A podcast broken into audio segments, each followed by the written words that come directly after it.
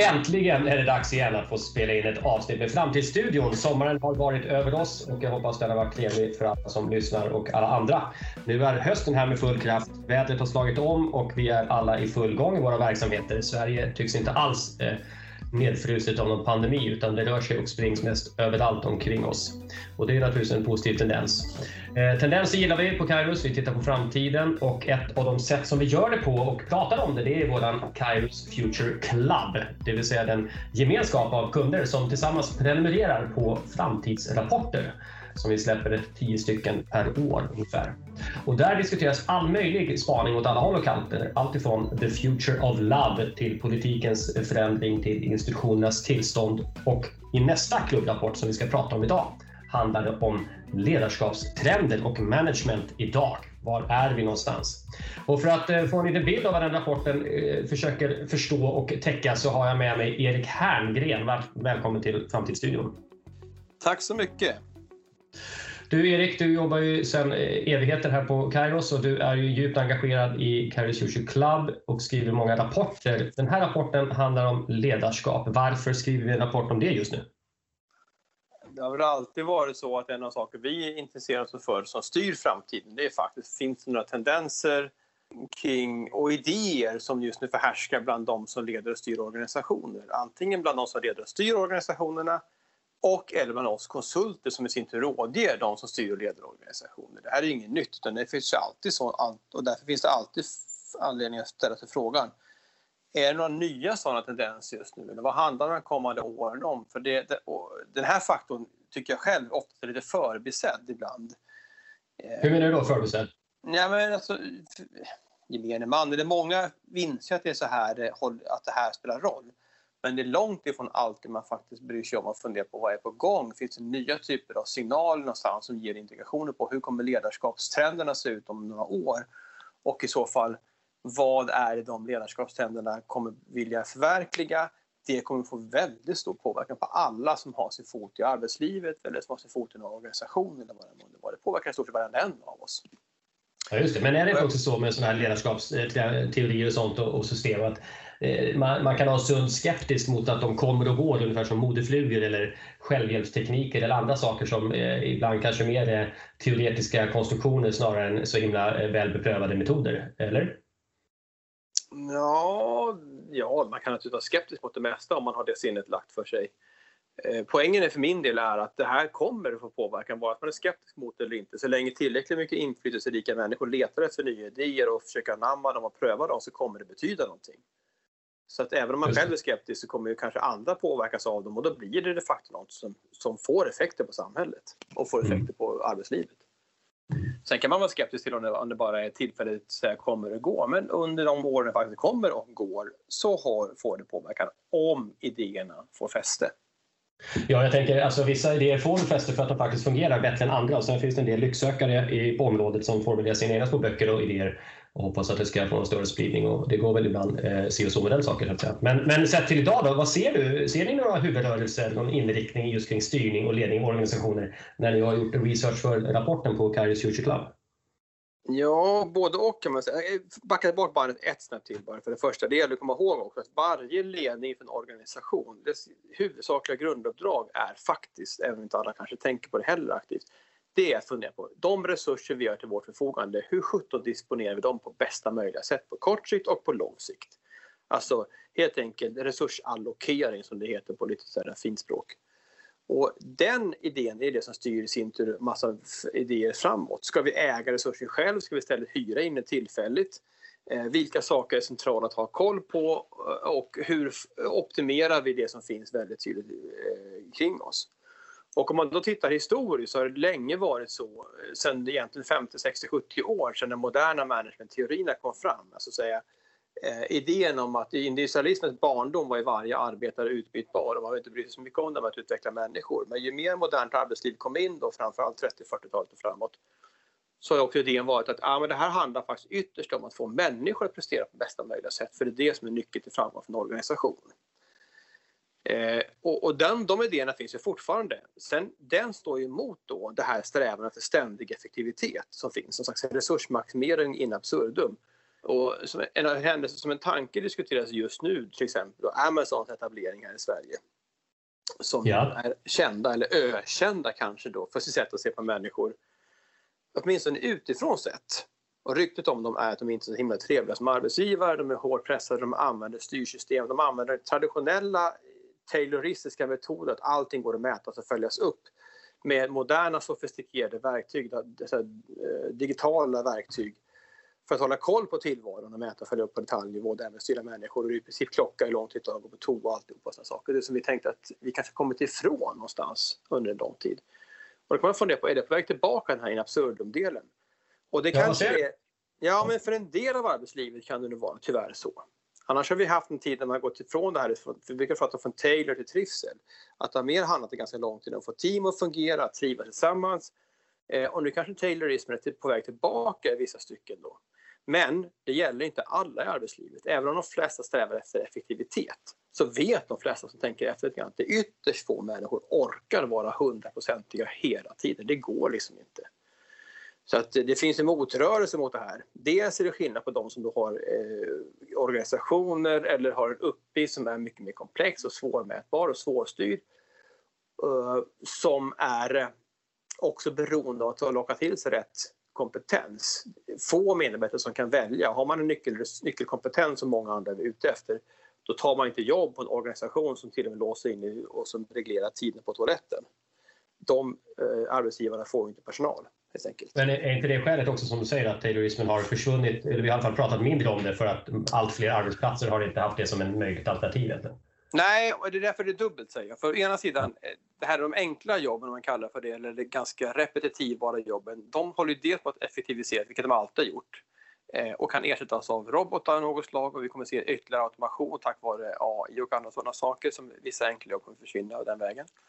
Eh, men en del saker kommer fortfarande behöva göras av människor och det blir en ren lönefråga och effektivitetsfråga då, apropå Amazon och liknande organisationer. Mm. Men de andra, mer kvalificerade, om vi kallar det för det, delar av arbetslivet, där är det helt andra mekanismer som gäller istället. Det handlar snarare om att få förlösa team som ska jobba tillsammans på riktigt. Och då har vi haft det här under ganska lång tid, den här idén om att liksom typ, man härmar de agila processerna och agilitet som funnits, som kommer från mjukvaruindustrin från början. Det vill säga att ett team ska ta sig framåt i en viss given uppgift med ett tydligt mål med en ständig eh, anpassning till tillvaron genom att ha ständig uppföljning och kolla veckovis eller dagligvis eller vad det var, vilken puls man nu har för att följa upp, följa upp, följa upp och korrigera kurser så man rör sig hela tiden alltid med målet för näthinnan. Eh, och den där principen har ju fått fäste under senare år. Man försöker jobba med sådana saker även i organisationer som kanske inte är så lättrörliga i grund och botten och inte är så tydligt mål och projektstyrda. Och det funkar väl ibland, men långt ifrån alltid kan man säga. Men, men förutom då att du har sett eh, eventuellt då taylorismens återkomst på sina håll, eh, de agila arbetssätten är ju inte någonting nytt nu så att säga. Ser du några andra nya eh, liksom, riktningar som öppnar sig eller tendenser? Nej, men det är väl det som är grejen. För tidigare var det började säga tidigare. Vi har haft läge tidigare där det kanske funnits en dominerande idé i taget. Snudd på mm. i alla fall. Som får fäste och som får väldigt stort inflytande. Och det var flera år sedan vi såg den dominerande idén. Eh, för 20 år sedan så kunde åka runt eh, amerikanska management-gurus och prata om sina idéer och alla lyssnade andäktigt. Man fyllde liksom tusentals människor satt på Kinateatern i Stockholm och lyssnade på det här. Wow, fantastiskt! De där finns ju inte idag. Även om man kör Youtube-klipp eller TED-talks eller vad det månde vara så får de inte samma gensvar. Det finns inte den enda idén. Utan idag upplever vi det mer, det är som, ja, hundra vägar bär till Rom, eller hundra vägar finns det framåt, de bär i alla fall någonstans. Mm. Eh, snarare att den enda vägens politik och den enda vägens lösning som man mycket färskare till. Eh, och, och, det finns också någonting, samtidigt finns en strävan hos många att, att förhoppningen om att många organisationer tänk vad bekvämt det vore om någon hittade lösning som vi kan vara. Titta på de andra och kopiera och göra samma sak. Det är ju likadant med agilitet eller lean-processen som fanns som var populär tidigare, som fortfarande aktuellt på många håll kan man försöka med lean, ständiga förbättringar, åstadkomma saker och ting och använda Toyota-modellen, importera från Scania och annat här i Sverige. Eh, och sen även där kan man säga att det har inte heller funkat överallt, därför att det är inte bara att kopiera ett koncept, man måste verkligen leva det, beskära för att det ska funka. Och det är väl utmaningen idag. Därför ser vi att det kanske dagens utveckling snarare handlar om att hitta din egen väg och vara trygg med den. Men hitta din egen väg.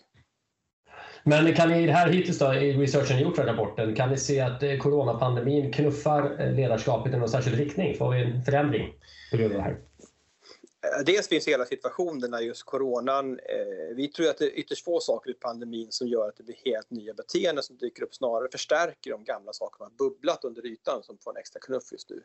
Och det är klart att en del handlar om det här med att säkra och trygga upp den lilla gruppen. Det må vara trygga teamet, trygga arbetsplatsen, trygga människorna och alltihopa detta. Det blir fokus på att leda en orolig organisation i en orolig värld. Då måste man vara trygg som ledare. Eh, men framförallt så väcker också frågan om var arbetet produceras. Hela den här med att leda på distans har fått en helt ny innebörd. Ja. Och det där är vissa organisationer bra på. Det har alltid varit duktiga på det, att faktiskt kunna hantera resurser på distans och få dem att känna som sina egna för att man inte träffar dem särskilt ofta. Vissa typer av manningsorganisationer till exempel har utvecklat den typen av ledarskap. Eh, men, men eh, jag skulle säga att det är något som växer fram tydligt som pandemin som vi tror kommer dyka fram efter det här. Det kommer bli mer uppluckrade gränser och en slags distansledarskap och hjälp till självledningsstöd. Eh, men det där går också väldigt olika då. För en del, en del ser vi fortfarande vill kontrollera på detaljnivå att människor verkligen gör rätt saker när de inte sitter på kontoret. Man kan se vad de håller på med. Fast vi vet ju någonstans instinktivt att de människor som vi redan tidigare anade sitter och gör andra saker på kontoret än att jobba ordentligt. Det sitter och löser patient eller är på Facebook. Det är klart att de människorna kommer att göra samma sak om de finns hemma. Och de människorna som jag vet är produktiva och håller på hela tiden med rätt saker, de kommer att göra det hemifrån också. Så att det där är kanske mer fråga om att försöka identifiera personligheterna än att absolut inte lita på att människor inte vill sitt bästa. Det är intressant att tänka sig då att det skulle kunna bli nu då när folk jobbar på distans så kan ju teamets, eh, eh, den som åker snålskjuts för de andra kanske eh, blir mer kontrollerad för att det blir viktigt för en organisation att behålla de eh, motiverade medarbetarna genom att visa att här kommer man inte undan även om man jobbar hemifrån. Det är ingen som kommer åka snålskjuts på dig. Eh, vad vet jag, det var spekulation. Ja, absolut. Mer, mer efterfrågan att kontrollera på något sätt. Ja, eller omvänt kan man säga att den som åker snålskjuts på andra kommer att svårare att göra det om man inte sitter med andra det kommer bli svårare mm. att glida med som medarbetare om du inte faktiskt gör det du borde göra. Det kommer synas mycket, det blir tydligare synat. Kanske inte omedelbart, men efter ett tag kommer det bli uppenbart att du, du har inte gjort det du borde göra. Och, vad har du gjort under den här tiden? Ah, jo.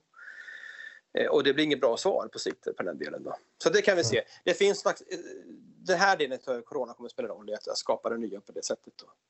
Mm. Eh, sen tror vi också att det här med, med eh, en annan effekt som egentligen ännu tydligare under corona när folk är på distans, det är att det blir ännu viktigare, vikten av att vara en god ledare, att ha ett gott ledarskap och en god organisation. Man kallar för. Det är världens floskel och det har alltid varit så kan man säga på ett sätt. Eh, eh motsatsen då till det här eh, Amazon-ledarskapet om man kallar det för det tayloristiska. Tvärtom, vi brukar likna den moderna dealen snarare vid en sjörövarkaptensvariant. Därför vi vet det, är en, det är en oväntad liknelse. ja, men så här. Liksom den, den, den delen av arbetslivet som måste säkerställa att man har rätt kompetenser, rätt resurser och där, där de resurser man vill ha tag på är väldigt svåra att få tag på. Då vill det verkligen till att man lockar till sig de bästa. Och sjörövarkaptenerna, eller sjörövarvärlden förr i världen, om man tänker som vi gick på sjön så om man på handelsfartyg var en sak men annars var det i regel på i armén, eller i flottan snarare. Då. Så, så där kunde du bli beordrad. Tog du värvning och kontrakt så var du bunden till en viss tid och det var inte mer med det. Du kunde tvinga till att göra saker som var obehagliga. Sjörövarkaptenen visste att om jag inte är en bra ledare så kliver hela besättningen av i nästa hamn. Det vill säga, ska jag behålla den här gängen så måste jag vara riktigt bra som ledare. Så Videgren var de bästa ledarna förr i världen. De var sjörövarkaptenerna. Som förtjänade sitt ledarskap och lockade till sig de bästa människorna som de behövde ha i sin besättning hela tiden. Eh, inklusive då att dela med sig av bytet. Det vill säga dela med sig av framgångarna på ett bra sätt så att det inte bara blir en som blir rik och resten fick göra bröd för jobbet.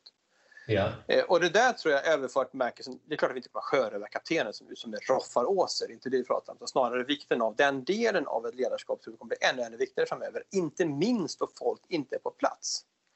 Att vara en ledare som där folk vill vara med och vara nära snarare än att tvinga sig till. Skillnaden på om chefen hör av sig till dig i distansledarskapets tidevarv om du sitter som medarbetare någonstans och chefen hör av sig till dig eh, och du känner dig kontrollerad eller om chefen hör av sig till dig och du känner åh vad kul att just chefen hör av sig till mig, vad roligt, det här vill jag vara med. Han frågar efter mig eller hon frågar efter mig, jätteviktigt. Det är ju en avsevärd skillnad på de två sakerna.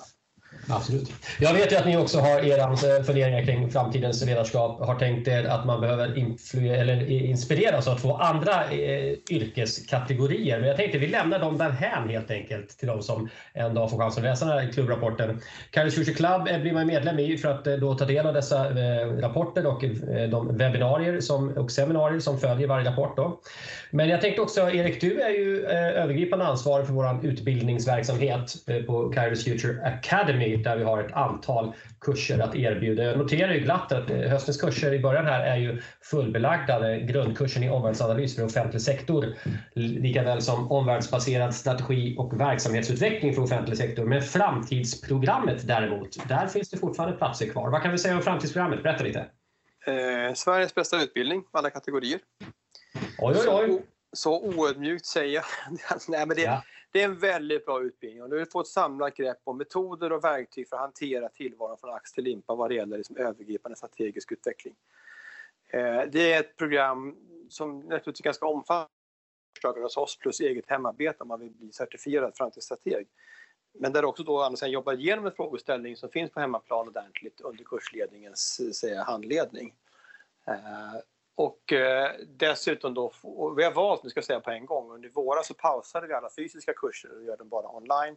Och vi, kommer, vi, har, vi kör onlinekurser också, men vi har samtidigt känt att det finns något speciellt i den här typen av kurser som vi bedriver som handlar om att reflektera, som handlar om att förstå, inte bara riva av någonting och sen återupprepa det. För då kan man läsa en bok. Det funkar. Man kan läsa en bok om våra metoder också.